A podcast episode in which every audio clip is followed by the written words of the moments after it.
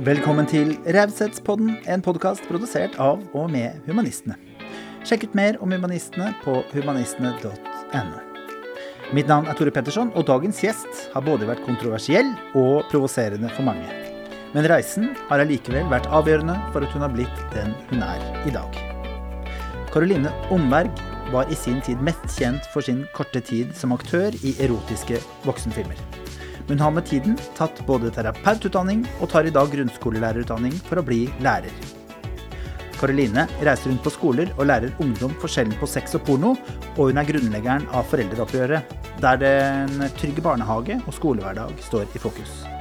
Vi snakker om å ta gode og dårlige valg, om å stå i det en har gjort, og hvordan vi mennesker har mye å vinne på å bli rausere, mindre fordomsfulle og mer inkluderende mennesker. God fornøyelse.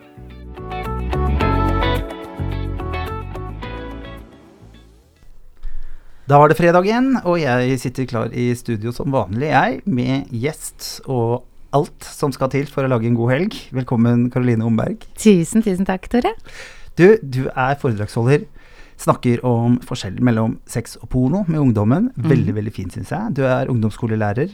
Eh, Du er grunnlegger av Foreldreopprøret. Det har jeg jo hørt mye om, så det gleder jeg meg til å, at du skal snakke litt mer om. Ja. Em, du har drevet en podkast, Avkom, sammen med Mine Hajan og Martine Rand. Og så uh, var du stripper i eh, syv år. Ja. Ja. Eh, erotisk skuespiller, velger jeg å kalle det. Så er du jo samfunnsdebattant. Ja. Eh, mest opptatt av barnehagepolitikk, etter hva jeg har skjønt. Mm. Mm. Men før vi går Og inn og snakker da. Og skolepolitikk, Ja. selvfølgelig. Etter lærerutdannelsen, for du går og utdanner deg som lærer og tar pedagogikk også, etter hva jeg Jeg, ja, jeg går grunnskolelærerutdanninga nå og har ett år igjen. Ja, ikke Mm. sant. Det blir bra, det blir bra. Ja. Men eh, Karoline, før vi starter med noe som helst, hva er du skikkelig opptatt av nå om dagen? Du, nå om dagen så er jeg helt fylt til randen av min masteroppgave som jeg driver og starter på. Eh, for jeg vil skrive om lærere eh, og deres emosjonelle kompetanse, og hvordan det påvirker relasjonene til elevene. Hvordan, det, hvordan lærers, lærernes evne til å romme følelser og møte følelser på gode måter. Hvordan det påvirker hele elevenes identitetsdannelse og deres selvbilde osv. Vi har jo et enormt etisk ansvar, vi som er lærere i skolen, og særlig i møte med barnas emosjonelle verden. Og dette brenner jeg så utrolig eh, sterkt for. Og så har jeg en slags hypotese på at den emosjonelle Altså vår evne til å romme følelser, da. Dette er et begrep jeg har funnet opp selv, Tore. Hva syns du om det? At det er på en måte Det kan være begrenset av vår egen emosjonelle erfaringshorisont. Ja. Så det er lett å ha empati med noe som vi forstår og kanskje har opplevd selv, men det er ikke like lett å romme med empati og kjærlighet noe som er helt uforståelig for oss. Så det å jobbe med å bli mer emosjonelt elastiske er liksom det jeg har lyst til å forske på, da, og finne litteratur på og ja, Mm. og leke meg med i det kommende året. Så spennende. Eh, hvilke bøker er det Har du nå starta et sted, på en måte? Funnet noen som skriver mye om, om akkurat det der? Ja, nå har jeg, jeg, altså jeg har fordypa meg sånn at jeg har mista helt oversikt. Jeg har jo, vet ikke, jeg har 20 ulike forskningsartikler oppe på laptopen min, og liksom 15 bøker liggende strødd utover, så, så det er ikke Ja. Mm. Så hvis du spør meg om en bok, så kan jeg ikke svare akkurat nå. Nei, nei, nei, det skjønner Nei. jeg. Sånn er det vel å være i Jeg er for langt nedi hullet. Ja, ikke Ja. sant. Men så deilig. Men det er spennende. Og jeg eh, Fordi det er jo ikke Eller jo, jeg kan svare. Ja, det kan du, da. var så fint. Ja, uh, en av de som det starta med for meg, var en bok som het 'Skape rom'. Ja. Uh, Undertittel 'For folkehelse og livsmestring i um, skole- og lærerutdanning'. Ja. Og den har mange spennende artikler som tar for seg hvordan vi kan jobbe med dette. da. Og særlig hvordan vi kan møte de barna som strever aller mest, selvfølgelig. Opplever du at lærerne er opptatt av det her? Noen. Noen. Noen syns det er kjempeviktig, og noen skjønner ikke helt hva jeg snakker om. Nei. Mm. For det er ikke Ja, det begynner kanskje å bli en stund siden nå, men det var en Stavanger-lærer som var ute og syntes at det var altfor mye snakk om følelser i følerier Ja. i skolesystemet, og, og Ja. som, eh, som kanskje er da en av de som er imot, på en måte, da, eller Ja. syns at, eh, at det ikke skal handle om annet enn fag. Hvor, hvor skummelt er det? Jeg tenker det er jo kjempeskummelt. Det er jo veldig Nå, nå vet jo ikke jeg hva hans utgangspunkt var, ikke sant. Eh, Og tatt ut av kontekst så kan det jo høres helt sprøtt ut. Men så kan det jo være han kom fra et veldig godt sted og tenkte at jo, men vi kan jo ikke dille og dulle med alle mulige slags følelser. Vi må jo hjelpe elevene til positiv utvikling. Eh, og eh, sørge for at de tør å gå fatt på utfordringer selv om de syns det er litt vanskelig. Eh, og det støtter jeg han jo i.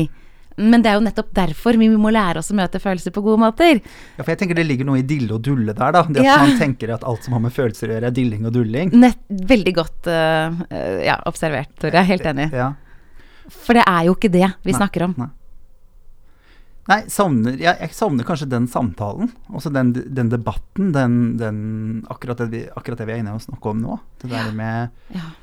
hva er følelser. For meg er på en måte følelser veldig konkret. Ja. Ikke sant? Du har Mm. fem følelser, primærfølelser.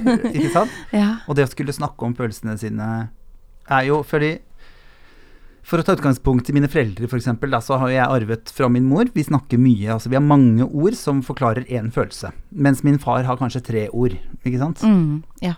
Og det betyr jo ikke at hans tre ord veier noe mindre enn min mors og, og mine 50. Nei. ikke sant? Ja. Eh, sånn at vi har kanskje bare bestemt oss for at det finnes en måte å snakke om følelser på. At det er der kanskje det trykker litt. Ja, og så tror jeg jo det er veldig mange som For dette hører jeg jo i foreldresamtalen også. Ikke bare når det gjelder lærere. Alle oss som har med barn å gjøre. eh, Så hører jeg det argumentet om at jo, men eh, hvor mye skal vi Ja, ikke sant, dille og dulle med de følelsene. Um, og hvor mye skal vi på en måte grave oss ned i vanskelige følelser? Og eh, vi kan jo ikke bare være følelsesstyrte, osv. Uh, men poenget er jo at når vi tar utgangspunkt i Altså både det forskningen sier, og det faglitteraturen sier, og det instinktene våre kanskje, som mennesker sier. Um, hvis jeg skal tørre å dra den så langt. Det syns jeg det skal. Ja, syns du? Ja. Um, er jo at jo mer vi klarer å romme de følelsene, og validere de, altså la barnet oppleve at denne følelsen er gyldig, og jeg har lov til å ha den, at vi til og med klarer å forstå hvor den kommer fra, selv om det er en vanskelig eller en upopulær følelse. Sånn upopulær følelse som, som ofte blir veldig stemoderlig behandlet. Da. Sånn som urettferdighet eller bitterhet eller utilstrekkelighet. De følelsene der er litt sånn upopulære. Og så får vi ofte beskjed om å tenke på det positive eller ta oss sammen eller ikke være så vanskelige. Men det at noen viser at de kan forstå hvorfor du føler på det så det var en psykolog som hadde et eh, tips om å istedenfor å si menn, som veldig Altså, jeg har hørt så mange pedagoger som sier menn. Jeg skjønner at du ble lei deg da hun tok den ballen, men du må forstå. Og erstatte det mennet med fordi. Jeg skjønner at du ble lei deg da hun tok den ballen, fordi du hadde gledet deg sånn til å leke med den. Og du hadde løpt ut for å få tak i den først, fordi denne gangen skulle du være sikker på at du fikk leke med den ballen. Og da skjønner jeg at du ble skikkelig skuffa når de bare kom og tok den. Istedenfor Men du må skjønne at alle må dele. Altså, det er noe med den ekte, ektefølte valideringen. Og det må du være Det jeg sier jeg har brukt nå, er at du må være litt emosjonelt elastisk. Men kanskje det handler mer Altså, det handler vel så mye om det å åpne hjerter. Og det er det jeg føler at eh, Nå skal jeg være stor og hårete i målene jeg uttaler meg om, men det er det jeg føler er min, en av min, altså min misjon. Mitt, altså, I mitt voksenliv så er min misjon å forsøke å åpne hjerter. Og øhm, det høres hårete ut, og jeg tror ikke jeg klarer det alene. Og jeg har ikke et superåpent hjerte selv. Jeg merker ofte at jeg selv er utilstrekkelig på disse områdene. Uh, men det bare Sannheten i at det er viktig, er så krystallklar for meg. Og det å finne ut hvordan kan vi f.eks. da i skolen være mer systematisk og bevisst i hvordan vi øver på å åpne hjertene våre og evne å utvise ektefølt empati i de tilfellene. For idet vi validerer barnets følelser, så vil det jo innmari ofte finne en god løsning selv. Ja. Vi trenger ikke at vi skal si 'men det er viktig at alle deler', for det vet barna. De har hørt det tusen ganger, og de er stort sett helt enige. De trenger bare at noen validerer dem først. Validerer dem så mye å bekrefte Som i bekrefte følelsen og, og forstå hvor den kommer fra, og at, at de ikke trenger å kjenne at For det vi ofte føler, tror jeg, er jo at når vi har en såkalt upopulær følelse, som jeg valgte å kalle det nå, er jo at vi blir dømt for det. At det er litt feil at vi har den følelsen. Og da blir vi jo sittende med en sånn indre konflikt som gjør at vi ikke kommer oss videre. Og vi klarer ikke å møte utfordringen på en konstruktiv måte. Men så fort noen kan, for å bruke et annet ord enn validere, da, så fort noen kan hjelpe til å gyldiggjøre det, eller hva ville du sagt, Tore? Du vet jo hva jeg snakker om. Ja, absolutt. Ja, hva ville Nei, du jeg sagt? opplever at det det blir tatt på alvor. Altså Ja. at alle følelsene blir tatt på alvor. Ja. Mm, det er det At de jeg Ja. tar validering til, da. Ikke Mm. parta bort, ikke kimsa av, ikke Nei. liksom pakka bort eller dytta bort, eller Men ja, at de blir tatt på alvor, og at det blir uttrykt liksom ekte, ekte medfølelse. Noen som faktisk klarer å kjenne empati på ekte. Eh, da er det veldig lett for barnet å gå videre ofte. Og tenke ut gode løsninger selv. Ikke alltid, men ofte. Nei, For jeg opplever ikke at det tar mye tid. Nei. For det er der jeg, jeg syns argumentene ofte ligger i. Vi kan jo ikke bare bruke masse tid på dette. Så tenker jeg sånn, nei, men kanskje kan det være sånn at det er derfor det tar så mye tid? Fordi vi ikke validerer underveis. At vi ikke møter de, så blir det jo kjempestort. Ja, Tore. Og særlig for ja. sjette klasse eller syvende klasse-elevene, ikke sant. Ja. Ja. Og man ser jo det, disse her såkalte problemklassene. Man bruker er så, så mye tid de bruker på å løse konflikter og lage regler og rutiner og ditt og datt, Uh, hvor man egentlig ikke har gått til kjernen av problemet. Eller elever som møter skolen med en stor indre uro, f.eks. Nå vet vi jo av mye ny forskning når det gjelder tilknytningspsykologi, når det gjelder traumer osv. Den forskningen er jo blitt veldig popularisert i det siste. Um, og kan nok misforstås, overdrives og, mis og misbrukes til en viss grad. Men det den forskningen sier, er jo at mange av de elevene som vi møter i skolen som lett overaktiverer eller underaktiverer, altså at de uh, lett blir urolige eller aggressive eller gira, eller lett gjemmer seg bort og gjør seg usynlige at det kan gjerne være fordi de har et litt over, overaktivert eller litt sensitivert stressresponssystem, som handler om at ikke- Jeg sier ikke at dette gjelder alle urolige barn, Nei, nei. um, men som handler om at de ikke er blitt møtt med nok eh, For å si det enkelt nok kjærlighet Ja. fra starten av. Ikke sant? Og så for å si det på en vanskelig måte, så kan man si at de har ikke opplevd tilstrekkelig gode samreguleringsprosesser med sine primære omsorgspersoner. Det er en nydelig setning. Ja, I de årene der hvor eh, vi former hjernen aller mest, ikke sant. Um, men enkelt sagt så handler det jo om at eh, hver gang et barn Altså hjernen bygges neden, nedenfra opp, og hver gang et barn mottar støtte, empati, blir strøket på, blir trøsta, så, så opplever det at det går bra, det blir roet, og det bygges forbindelser i hjernen som gjør at man etter hvert klarer å regulere seg selv. Så et barn som har mottatt mye altså trøst og kjærlighet og nærhet, altså rett og slett inngått i gode samreguleringsprosesser, de klarer å regulere seg selv etter hvert. Mens de barna som ikke har hatt mulighet til det, og som til og med kanskje kan ha opplevd det motsatte, altså at de har opplevd mye negativ stress uten å bli trøsta i etterkant, F.eks. vold, omsorgssvikt, du har gått og vært sulten lenge uten at noen har gitt deg mat, du kan ha vært kald uten at noen har varmet deg, eller verre ting som at du er blitt slått eller misbrukt, eller det har vært mye krangel og stress i hjemmet ditt osv. Hvis det skjer gang på gang uten at noen trøster deg og, og, og trygger deg etterpå og viser deg at det går bra på en måte, eh, så får man jo enda mindre utviklet evne til å regulere seg selv. Og dette gir jo helt klart utslag i klasserommet. Og den klassiske måten å, å møte de barna på da, er jo å si at eh, nå må du oppføre deg. Ja. Og så nå har du begynt på skolen, nå er du blitt stor, da kan ikke du oppføre deg sånn lenger. Ta deg sammen. Ja. Ja. Og så hvis du klarer å sitte pent på stolen din en hel halvtime i strekk, så får du en stjerne på denne plakaten her. Og når du har samlet så og så mange stjerner, så skal du få en is, eller altså Istedenfor å skjønne at det er nok en grunn til at dette barnet her har denne uroen, eller reagerer sånn som det gjør. Det er veldig resultatdrevet, drevet, da, at man ser for seg at alle mennesker er like. Jeg Mm. har jobbet i butikken noen år, der er det jo noen som blir veldig gira på sånn salgskonkurranser, og nå setter vi en, en vare på, på kassa, den som selger flest av de, ikke sant. Mm. Og noen blir helt ville av det. Jeg har aldri Jeg er ikke sånn, da.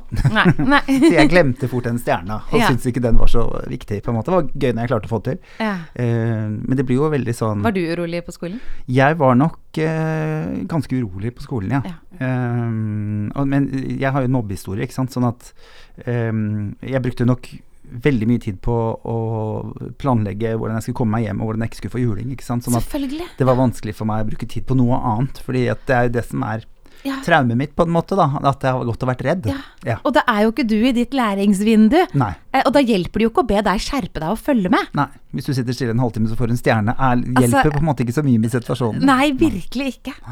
Men var det noen som så deg? Eh, dessverre hadde jeg en lærer som så meg som jeg aldri hadde. Altså Hun var lærer i en annen klasse. Så hun så meg, og så hadde jeg en vaskedame på skolen, da, eller Mm. renholdspersonell, som det nå heter. Men hun, hun eh, lot meg sitte sammen med henne i, i, i friminuttene, ikke Mm. sant. Sånn at eh, jeg kunne slippe å være ute. Og der fikk jeg sitte helt til en lærer fant meg. At eh, når Det- læreren fant meg, var du skal ut og få, Mm. få frisk luft, fordi Ja, at det var du så sunt. Da. Det der, åh. Og jeg hørte en historie her om dagen, en som jobber på AKS, som skal bli lærer. Som for, nå outer jeg litt, men jeg sier jo ikke noe navn eller skole eller og landsområde engang. Så denne, denne personen sitter og skal krysse barn som blir henta, kryssa på listen. Og overrekke barn til foreldre og sånn. Og så er det et barn som hele tiden kommer og setter seg ved siden av. Og så forteller denne ansatte at Ja, så jeg sa jo sånn som han sier at nå må du gå og leke, nå må du komme deg ut i leken. Og den bare kom tilbake, og jeg visste ikke hva jeg skulle gjøre. Altså, nå må du gå og leke. Og jeg bare Men undrer du deg ikke hvorfor det barnet søker til deg? Mm. Altså Read the fucking room, liksom. Jeg blir, eh, jeg blir helt sånn eh, Ja, jeg blir veldig emosjonell. Det skjønner jeg. Ja. Mm. Er det For én ting er jo Du har jo EQ-bakgrunn, samme som jeg går på. Ja.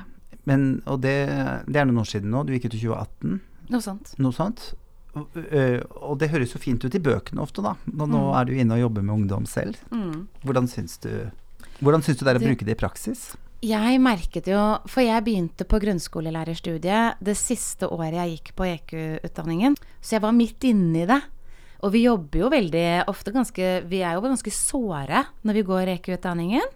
Man går ned og virkelig bearbeider noe av den dypeste gørra man har, da. Eh, og møter tøffe ting. Og man blir veldig Jeg merket Altså, det, jeg tror Jeg tror Min hypotese Nå syns jeg. Ja. Dette er ikke basert er i forskning. Nei, ja, tør jeg. Men um, at vi, vi påvirker også hjernen vår på en eller annen måte når vi driver med den utdanningen der, som gjør at vi tar inn folk og kobler oss på folk kanskje lite grann.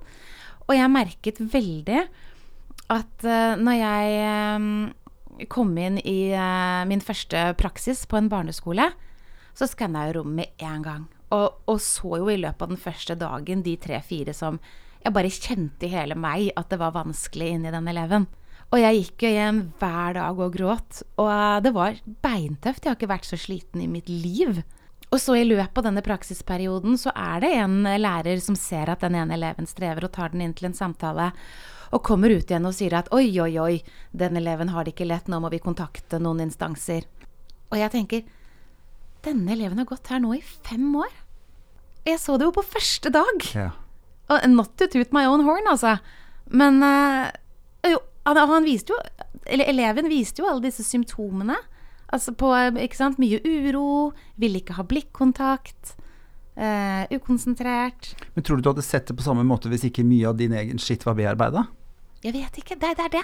Kanskje For jeg det er det jeg lurer litt på. At, Ja, det er godt poeng. at det er egentlig ganske obvious. Det er egentlig ganske lett å, å se at det er noe galt med et barn. Mm. Men du må være påskrudd, da. Og det tenker jeg at vi som er så gode på å flykte fra følelsene våre, vi er som er så gode til liksom alt det der vanskelige, det som vi kaller det verneskjold, da. At vi går Mm. på kino, setter på en film, hører på radio, gjør andre ting. Mm. Og det er ikke sånn at lærere ha- er på en måte fritatt fra det, da. De har jo også hatt et liv og en pappa som ikke så dem, eller en mamma som satte for mye krav, eller hva det enn måtte være de har vært igjennom, og så, og så skal de inn Jeg tenker ja, Barn lærer med øynene. Da. Jeg tenker at Sjansen er ganske stor for at du behandler barn sånn som du selv blei behandla da du var barn. Fordi at det er det eneste du har sett, da. Mm. Det tror jeg du har helt rett i. Ja. Eller at man gjør det helt motsatte. Mm. Man blir så opptatt av å ikke være som sine foreldre at man Tror du det går an? Jesper Juel sier det at uh, enten så gjør man det samme som foreldrene sine, eller så gjør man ofte det helt motsatte. Um, men det kan ofte bli like ille, på en Ja, måte. for det er jo det. Så det, er jo, det vi, man må gjøre, er jo å tenke alternativt. Og, Mm. ikke sant? og bearbeide skitten sin og se hvert individ for det individet det er.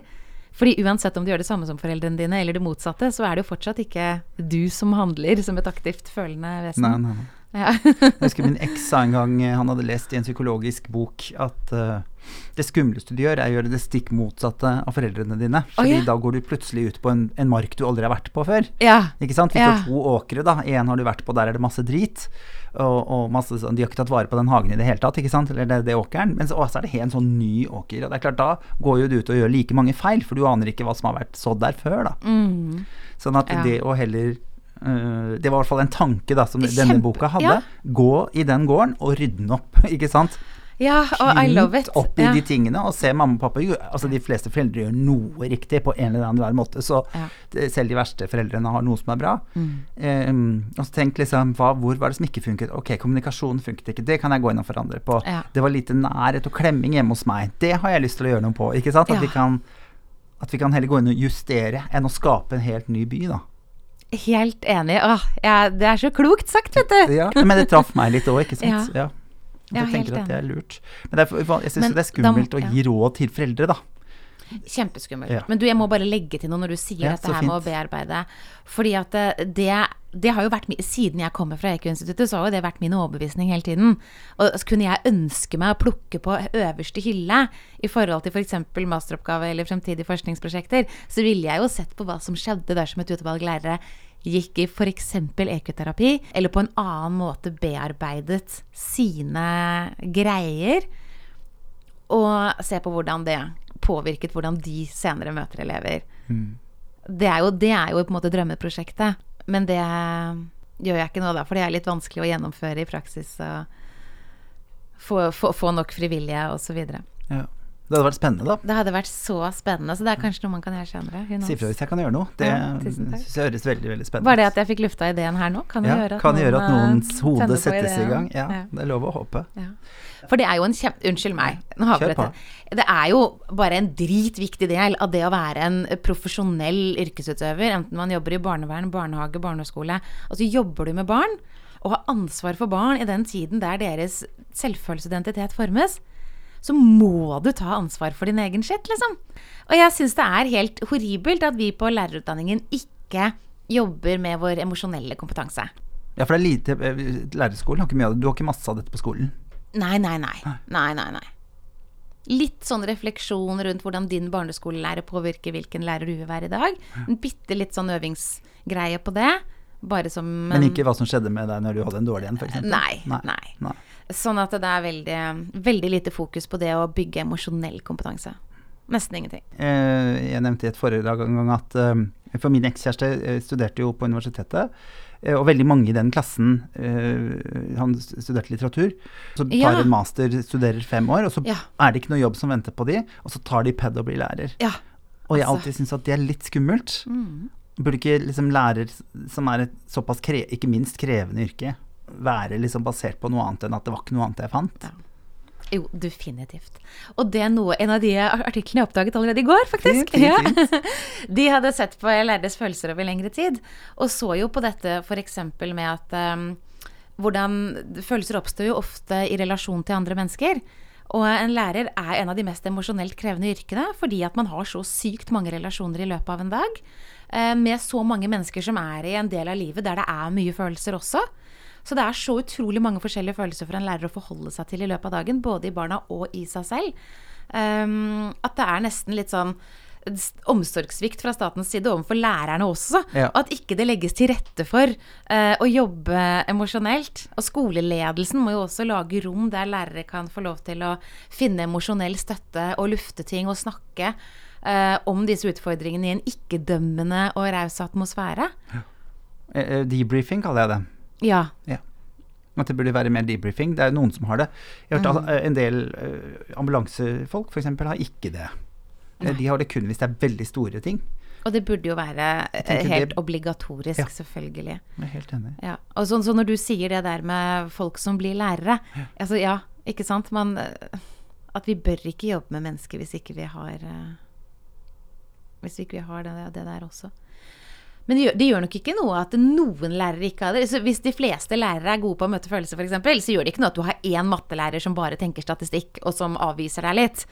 For det er jo ikke det at man aldri skal bli av... Man trenger jo ikke å bli romma hver gang. Ingen tar skade av litt avvisning, så lenge det ikke er grunnleggende avvisning du opplever fra den som betyr mest for deg på skolen. Nei, jeg Hva syns du om det? Nei, jeg er enig i det. Og jeg tenker at det er også en del av Men da er det jo viktig, tenker jeg, at den læreren er også klar for å ta imot det som kommer. Ja. Ikke sant? Ja. Uh, fordi for meg så handler jo dette om å lære seg å sette grenser. Ja. Alt du snakker om nå, å lære barn å sette grenser, til å bli møtt, Ja. og si fra at nei, dette ønsker jeg ikke, f.eks., Ja. og blitt møtt med at det forstår jeg veldig godt at du ikke har lyst til, eh, men det er et opplegg for elevene i dag. Så det er veldig viktig for meg ikke sant? Mm. at vi går igjennom. Jeg har laget dette opplaget, Um, og i dag gjør vi noe du syns er kjedelig, og i morgen gjør vi Ja. kanskje noe du syns er kjempegøy. ja. Ikke sant? Men å møte barnet på den følelsen og, og si at uh, jeg, jeg, skjønner det, men Ja. nå, nå er, det, er det noe sånn det er, da. I dag, ikke sant? Kanskje til og med jeg skjønner det fordi Jeg skjønner det fordi jeg vet at du syns at dette faget er vanskelig. Em, og jeg kjente jo mye av min motivasjon var at jeg ikke skjønte hva jeg skulle ha det til. Ikke sant? Finne ut volumet i en basketball, f.eks. Jeg kom aldri til et sted hvor jeg tenkte sånn Dette kommer jeg til å få brukt for Hvorfor er jeg medlem av Humanistene? Jeg liker at humanistene er inkluderende. Jeg liker at jeg er med på å stoppe polarisering. Jeg liker at de arbeider for menneskeverd, likeverd og for menneskers rettigheter. Bli med i Humanistene du også! Det gjør du enkelt på humanistene.no. Humanistene et rausere samfunn.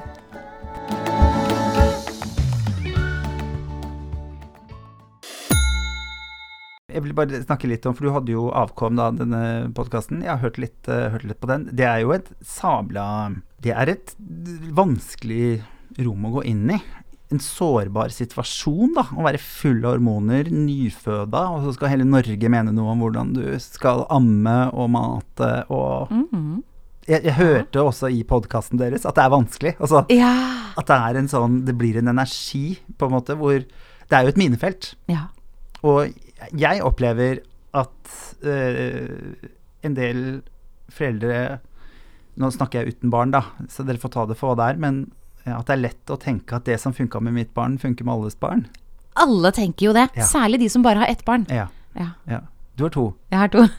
Og da skjønner man jo ikke Jeg vet ikke hva som for alle, men når, så fort du får to, så skjønner du hvor forskjellige barna er. Ja. Og så merker du at det som funka på nummer én, ikke funker på nummer to, og så blir du litt mer ydmyk. Det er i hvert fall min hypotese. For Mina sier sånn Min sover jo alltid, Ja. ikke sant? Og, det er jo, og det er jo så fint at det Ja. funka for deg. Om Ja. det var noe du gjorde, eller noe barnet var, det vet vi jo ikke ennå. Nei. Nei. Men er det, er det sårt, liksom? Ja, jeg tror nok veldig mange syns det er sårt. Jeg husker ikke hvor sårt jeg syns det var, fordi jeg gikk nok litt inn i et ekkokammer. For jeg kjente jo hva som var riktig for meg, og ville jo bare være nær og samsove og amme så fort barnet lagde en lyd, og var jo helt der. Eh, så da søkte jo jeg opp artikler og forskning som støtta det. Så jeg følte på meg jo aldri kritisert, for jeg, jeg, jeg leste meg ikke så veldig mye opp på de som ikke var enig med meg. For å være ærlig. Ja. Ja. Det var veldig greit. For jeg synes jo, men fordi du nevner det, du nevner det et par ganger også, eh, fordi det der med kurs, da. Eh, nå skal, skal ikke jeg sitte og utlevere Mina, men hun snakker jo om det i podkasten selv, at hun har fått barn eh, med hjelp. Ja. Ja.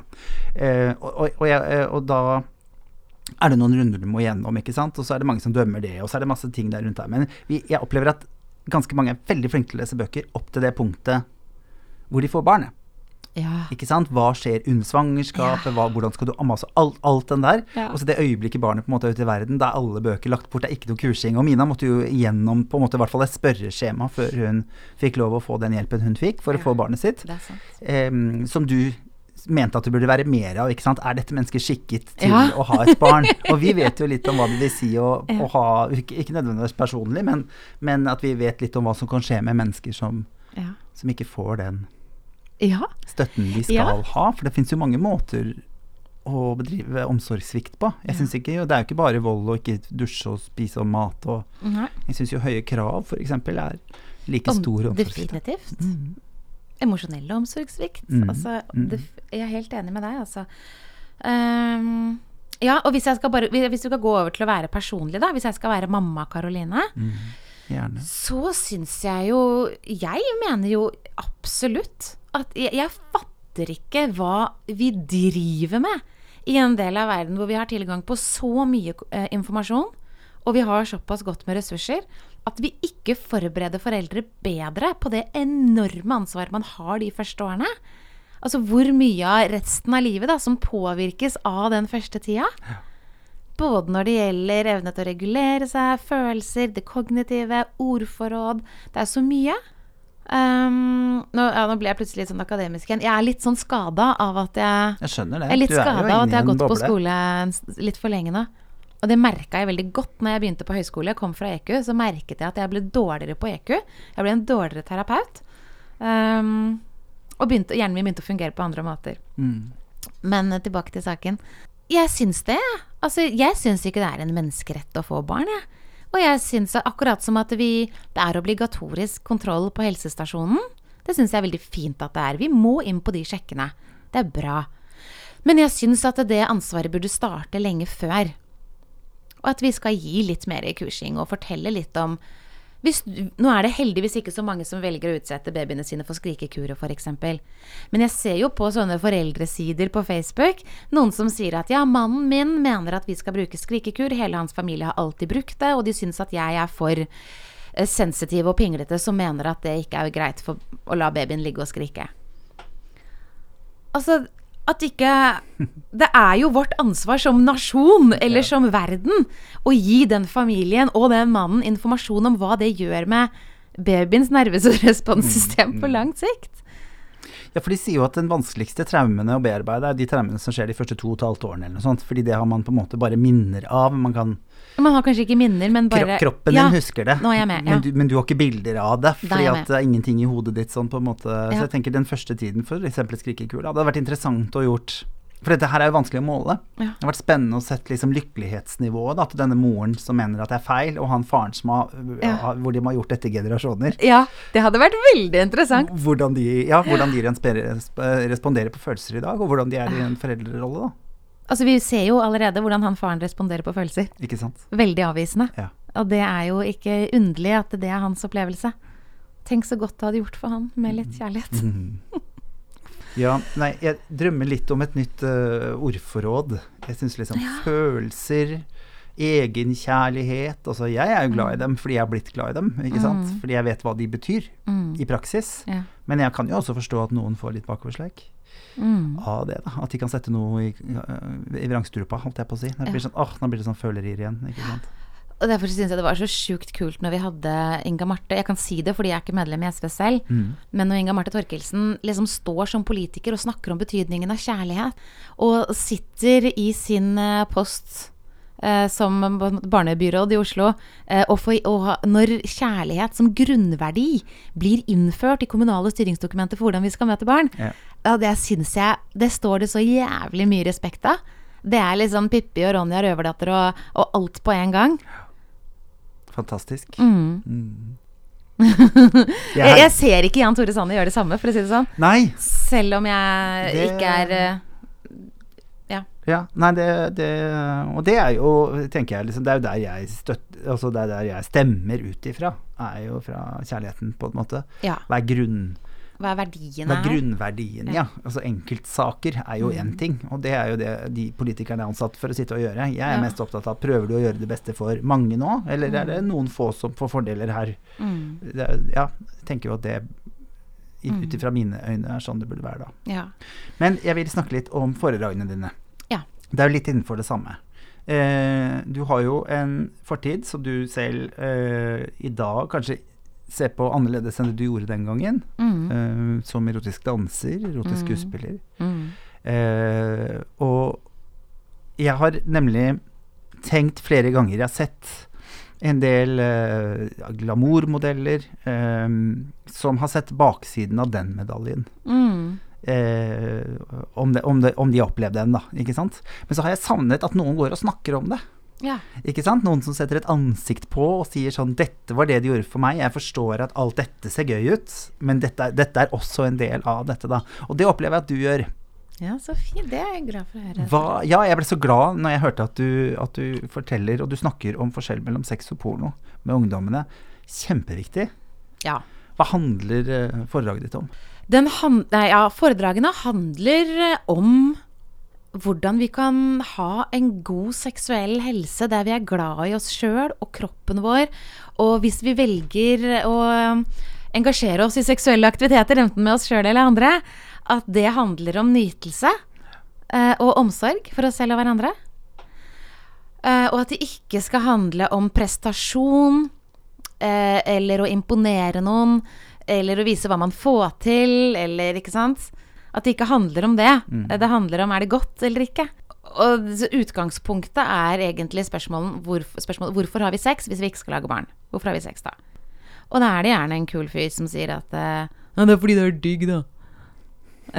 og det er det jo. Kjenner typen. Ja. Ja, altså det er helt riktig. Kjempebra. Det er akkurat det. Akkurat det jeg var ute etter. Og så hvorfor lager man porno? Og når man lager porno, så er det jo selvfølgelig ikke sånn at produsent og regissør sitter og prater sammen og spør skuespillerne Ja, dere, hva er det som virkelig gir dere nytelse? Hvordan er det du har det godt med deg sjøl? Hvordan føler du deg i dag? Hva føler du for i dag? Det er jo ikke sånn de sitter og prater. Hva er det som trender om dagen? Hva er det vi får mest klikk av? Og hele poenget med å lage porno er jo å tjene penger til slutt. Det er jo noen som skal tjene penger på det. Eh, så når man tar noe som opprinnelig handler om nytelse og kjærlighet, og så gjøre om det um, til noe man skal tjene penger på, uh, så, så, så, så må, går vi jo på kompromiss med det som egentlig var utgangspunktet for aktiviteten, nemlig å ha det godt. Uh, så jeg tenker at nytelse og kapitalisme er egentlig ikke forenlig, da. Um, selv om det er med fare for å bli for politisk. Så, så vi reflekterer litt rundt det. Hvorfor lager man egentlig porno? Hva, hvorfor, når, når det står en fyr og deepthroater, altså fører penis ned i halsen på en jente som står på knærne, og fører den såpass langt ned og så hardt og så mange ganger at tårene begynner å renne. For tårene begynner jo å renne når man brekker seg, og det renner maskara, og han står og sier 'look at me, bitch, look me in the eye'. Og tårene renner, og hun brekker seg. Og så skal det være en fremstilling Det skal lære ungdom om sex. Altså, det er jo jeg, og, jeg, Og jeg, nå mener ikke jeg å shame deepthroating som aktivitet. Helt, helt kult om noen tenner på det eller får en nytelse av det. Men at det skal liksom være det vi styrer Altså, ja, du hører jo hvor jeg vil. Ja, jeg tenker jo Hovedproblemet som jeg ser det, er jo hvis det er bare han som vil det. Ja. For da er det jo dette et overgrep. Ja. Ja. For hun skriker jo ikke etter mer. Nei, hun gjør ikke det. Jeg har sett nok porno til å vite det. At hun er ikke sånn Kan ikke få nok av den i munnen min og ned i halsen min så jeg brekker meg. Nei. Og så vet jeg ikke hvordan Men jeg mistenker, jeg mistenker vel egentlig at det er Kanskje Jeg vet ikke om du kan avkrefte, eller om jeg får lov å spørre, men er gayporn på samme måte? Ja, det vil Ja. jeg si. Det er Ja. ganske Det er ganske likt. Ja. Og det er de der karikerte maktstrukturene. Og jeg vet ikke hvordan det skulle bli en del av sexlivet vårt. Og det er jo egentlig en filosofisk samtale. Det handler jo om noe kjønnsbalanse fra gamle dager. Det handler om det patriarkalske samfunnet og verdisynet. Og når en kvinne da Jeg hørte Jeg var og sjekka hva som trenda mest eh, for en stund siden jeg skulle innlede en debatt om porno. Og da den som var helt på topp, som hadde mest views, eh, var en greie hvor det egentlig var dame, en, en scene hvor det var damene som liksom var den som bestemte. Over en som jobba for henne, da, som hun skulle ha sex med. Og allikevel, da, inni der, så, så skriker hun ut Sign your name with your cum deep inside my tight little asshole. Faktisk. Ja, faktisk. og det er jo Kreativ eh, veldig kreativt og morsomt. Og de, manus, de har jo eh, helt sikkert brutt sammen i latter idet kameraet skrur seg og noen roper pause, liksom. mm. Um, men, men det er jo et godt eksempel på hvordan det selv, selv når man prøver å vri på det, og at hun skal være in charge Så eh, nå, nå snakker jeg ut fra et ganske sånn heteronormativt perspektiv, da. Men så, så er det jo de patriarkalske strukturene som er dominerende. Og hva gjør det? Jeg hørte en gang at Mm. det kan ta én eh, dag å få en ny fetisj. Altså et øyeblikk kan gi deg en ny fetisj, men det kan ta et helt liv å bli kvitt den. Ja. Så hvis du får en partner som gjør noe nytt og spennende, Mm. og så er det sexy det daværende tidspunktet, så kan det være at det blir liksom det nye tenningsmønsteret ditt. da. Ja. Dette kan jeg ikke vise til en rapport eller noen ting, det var, dette ble bare fortalt meg. Ja. Men jeg har gjort meg noen tanker rundt det, og jeg tenker at det er viktig å snakke rundt disse tingene, da. Ja. Fordi jeg også har sett disse uh, deep throat-videoene med disse tårene, ikke sant. den ene jeg så fikk masse sæd ut nesa, det var ikke Mm. Ja. pent. Uh, og så eh, første filmen øverst på siden var sånn Stepfathers fucking stepmother Nei, daughter. Ja. Det er er så mye Ja. incest-porno. Og jeg tenker at det er Ja, ja det er mye av det. Mm. Og, og jeg tenker at eh, hvis- hvis det stemmer, da, Mm. at tenningsmønsteret ditt ikke sant? Jeg tenker, Hva er det poden din, hva er det ungen din, hva er det datteren din ser første gang de kommer inn på den siden, og som kan bli det første Ja. Eh, tenningsmønsteret de får, da. Ja. Det er ganske skummelt at vi snakker så lite om det. Er du Det ikke er dritskummelt! dritskummelt. Jeg, statlig omsorgssvikt, Ja, nok en gang, ja, ja. eh, tenker jeg. Og det eh, Nå kommer jeg med en rapport, da. Gjør Men det. Redd Barnas rapport om ungdoms eh, pornobruk eh, viser jo at ungdom ønsker seg eh, mer kompetanse til å, å gjennomskue porno og virkelig forstå forskjellen. De ønsker seg bedre lesekompetanse, på en måte, var den begrepet, formuleringen som ble brukt, så vidt jeg husker. Mm. I forhold til å forstå og sortere inntrykkene, da. Jo, så jeg er helt Jeg syns jo det er helt Og nå, nå deler vi ut iPader til barna i første klasse. Det gjør vi faktisk. Og mange oppdager porno i løpet av barneskolen. Mm. Og hva gjør Jeg ble jo selv vist porno som femåring. Ja, Av min bestefar. Ja. Mm. Og så vil mange være uenig i at ja, ble du egentlig vist porno? Det var jo han som så på porno, du bare var der. Det, så vi kan godt si at jeg ikke ble vist porno. Eh, men samme av det. Mm. Jeg ble eksponert for porno tidlig. Eh, og jeg det, gjorde jo, det gjør jo noe med et menneske, og det gjorde noe med meg. For jeg skjønte at det var feil. Og jeg skjønte at det var den type følelser jeg opplevde når jeg møtte i møte med den pornoen. Eh, fordi jeg kunne allerede da oppleve, kjenne på at det var dritspennende. Ja. Og det resulterte i en kjempeskam. Å, jeg skammet meg sånn for å kjenne på kåthet, eller for å kjenne på det å være tent, eller noe sånt. Um, som igjen tror jeg resulterte i noe av mitt behov for å protestere mot den skammen. Opplevde du deg grenseløs på et eller annet vis? Ja. For jo flere grenser jeg etter hvert klarte å tøye, jo mer jeg fikk til, jo mer tok jo jeg eierskap på alt dette her. Eh, så jo mer eh, kul følte jeg meg, på en måte. Mm. Mm. For jeg kjenner igjen Jeg har ikke vært i pornoindustrien øh, på noen som helst måte, egentlig. øh, men, men jeg kjenner igjen følelsen av å bryte normer. Følelsen av Mm. å ønske å være ekstrem, da. Ja. Eh, jeg gjorde det mest med klær og uttrykk. ja. Um, og, og, og måten jeg snakket på. Men det var jo en del Det var jo likevel en del av meg, på en måte.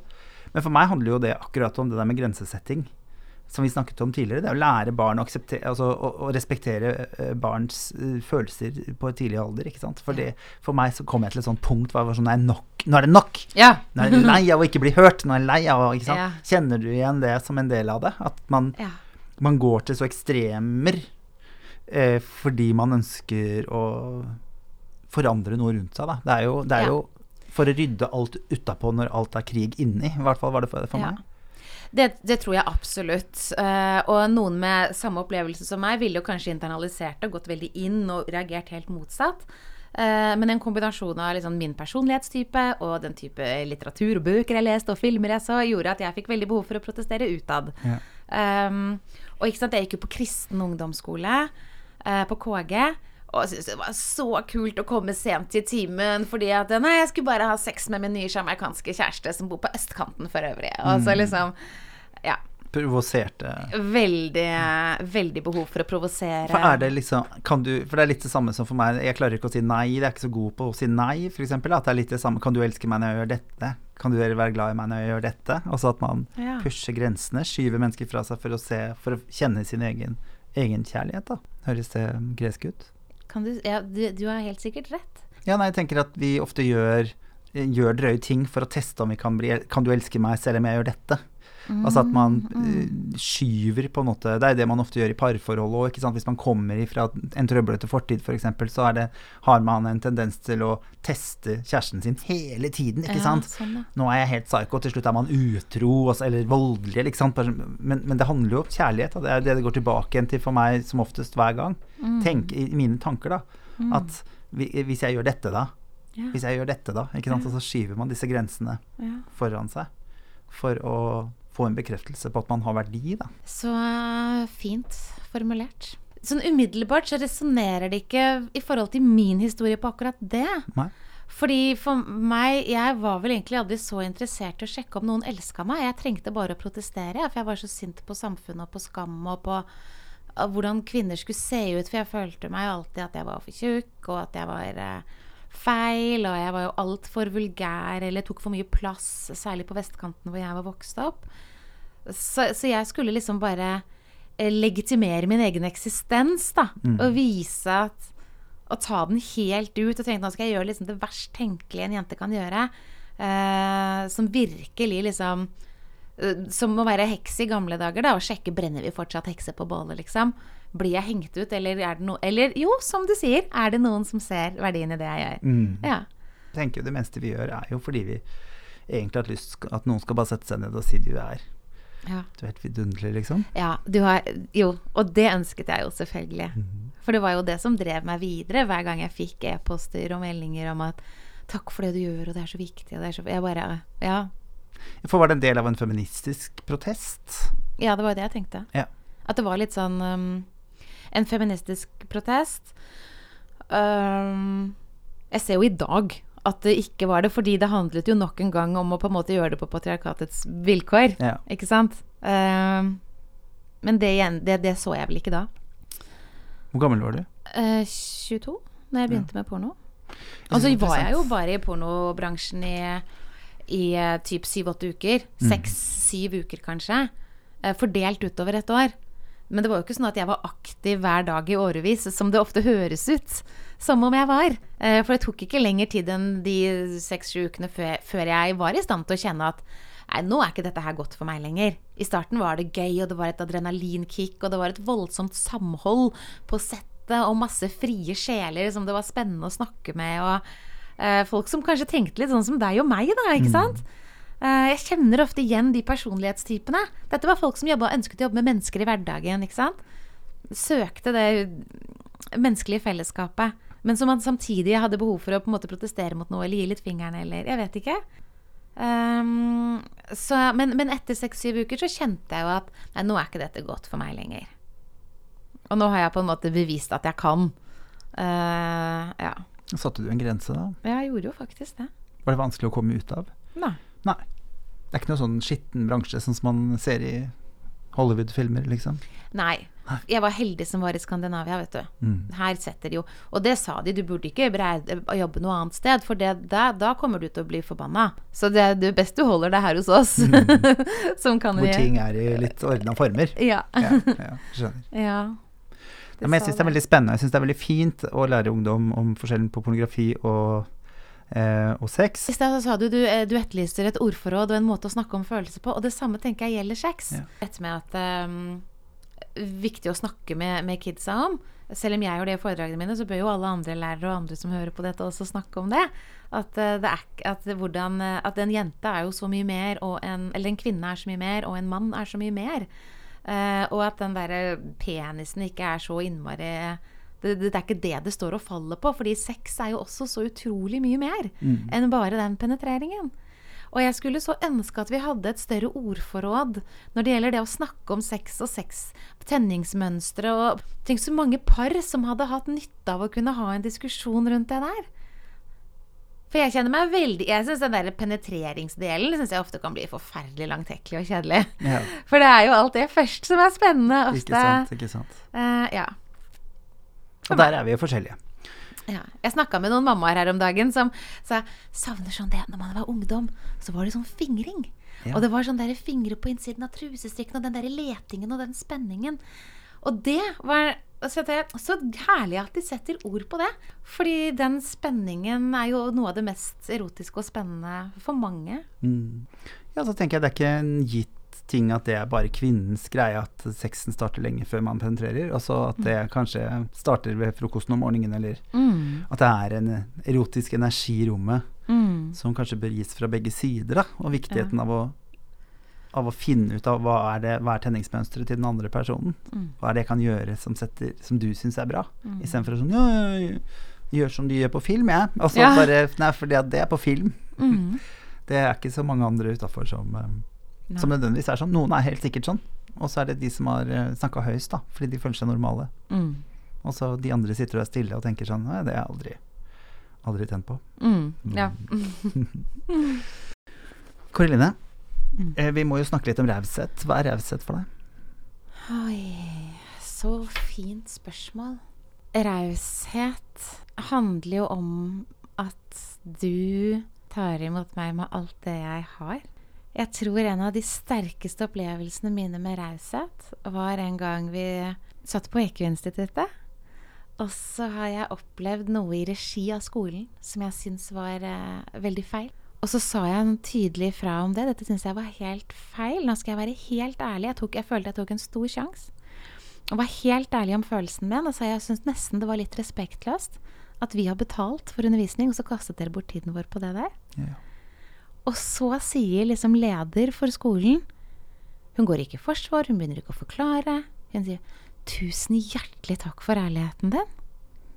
Ja. Hun bare romma den hele den følelsen og tok det ikke personlig i det hele tatt. Jeg tror i hvert fall det var en av de første gangene jeg virkelig forsto hva det vil si å møte hverandre med kjærlighet og raushet Mm. som hele mennesker, da. Hvor raus er du med deg selv? Det er lettere å være raus med andre. Så jeg øver meg veldig på å bli rausere med meg selv. eh, Særlig i forhold til det som for meg er upopulære følelser, som f.eks. Eh, å ikke orke. Det, det sitter langt inne. Det sitter langt inne. Vi skal være litt sånn supermennesker. Mm. Fins ikke noen som eh, Ja, jeg vet ikke ja, he- Opplever at vi kanskje endelig har kommet litt vekk fra at du skal opp klokka fem om morgenen og legger deg tolv. Vi har kommet vekk ifra det. Ja. Og vet du hva? Jeg har øvd meg i årevis på å si nei og bli raus med meg sjøl. Mm. Og gi meg selv den kjærligheten som jeg prøver å gi til barna mine. Mm. Uh, og uh, nå har jeg gitt meg selv en uh, raus gave. Vet du hva det er? Nei. At neste år så skal jeg ikke jobbe. Ja, så deilig. Jeg skal bare fordype meg i denne her masteroppgaven som jeg brenner for, som jeg, hele kroppen min bare synger. Skal, Fantastisk. ja, jeg skal bare kose meg med det. Og det mm, Jeg bestemte meg for at det er en luksus som jeg har lyst til å unne meg, unne meg selv. Men vi skal, tenne, eh, vi skal trekke en lapp. Vi skal ikke tenne, nå sa jeg tenne. Det. Eh, vi skal trekke en lapp Ja. med et verdiord, eller en eh, Ja, det kan være egentlig hva som helst som står på de lappene. Den rosa skåla mi. Så vær så god, bare ta opp en, eh, ta opp en lapp. Fortell meg hva som Det var eh, vanskelig. Ok, ok, litt sånn da. Var det valgets kval? Vi skal forsvare retten til å være ulike. Ja. Jeg tenker jo at det forsvarer retten til å være ulike. Jeg tenker det er jo kjernen i alt vi har snakket om i dag, da. Og derfor så er det ikke én oppskrift eller én måte å ha sex på, eller én måte å møte følelser på, eller én måte å være menneske på, eller én måte å reagere på i ulike situasjoner som er riktig. Fordi alle er ulike, og vi har ulik bagasje, og ulike følelser, og ulike, ulike erfaringshorisont, da. Mm. Så um, det er jo kjernen av alt vi har snakket om. At, og som egentlig oppsummeres veldig godt med noe av det som vi jobber mye med på EQ-instituttet i forhold til det å møte hverandre med undring. Fordi alle er litt ulike. Og den eneste måten å forholde seg til det på, tror jeg, er jo å møte hverandre med undring og empati istedenfor fordømmelse. For når vi dømmer, så er det vel egentlig bare frykt for noe vi ikke kan kjenne oss igjen i eller forstå, kanskje. Veldig fint. Herlig. Du, eh, Karoline Omberg, tusen takk for at du tok turen i studioet mitt. Takk for at du hørte på.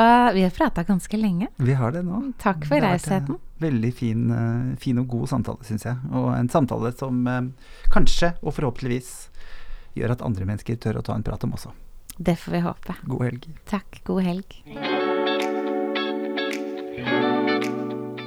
Du har hørt på Raushetspodden, en podkast produsert av og med Humanistene. Vil du vite mer om Humanistene, gå inn på humanistene.no. Mitt navn er Tore Petterson. Ønsker deg en fantastisk god helg.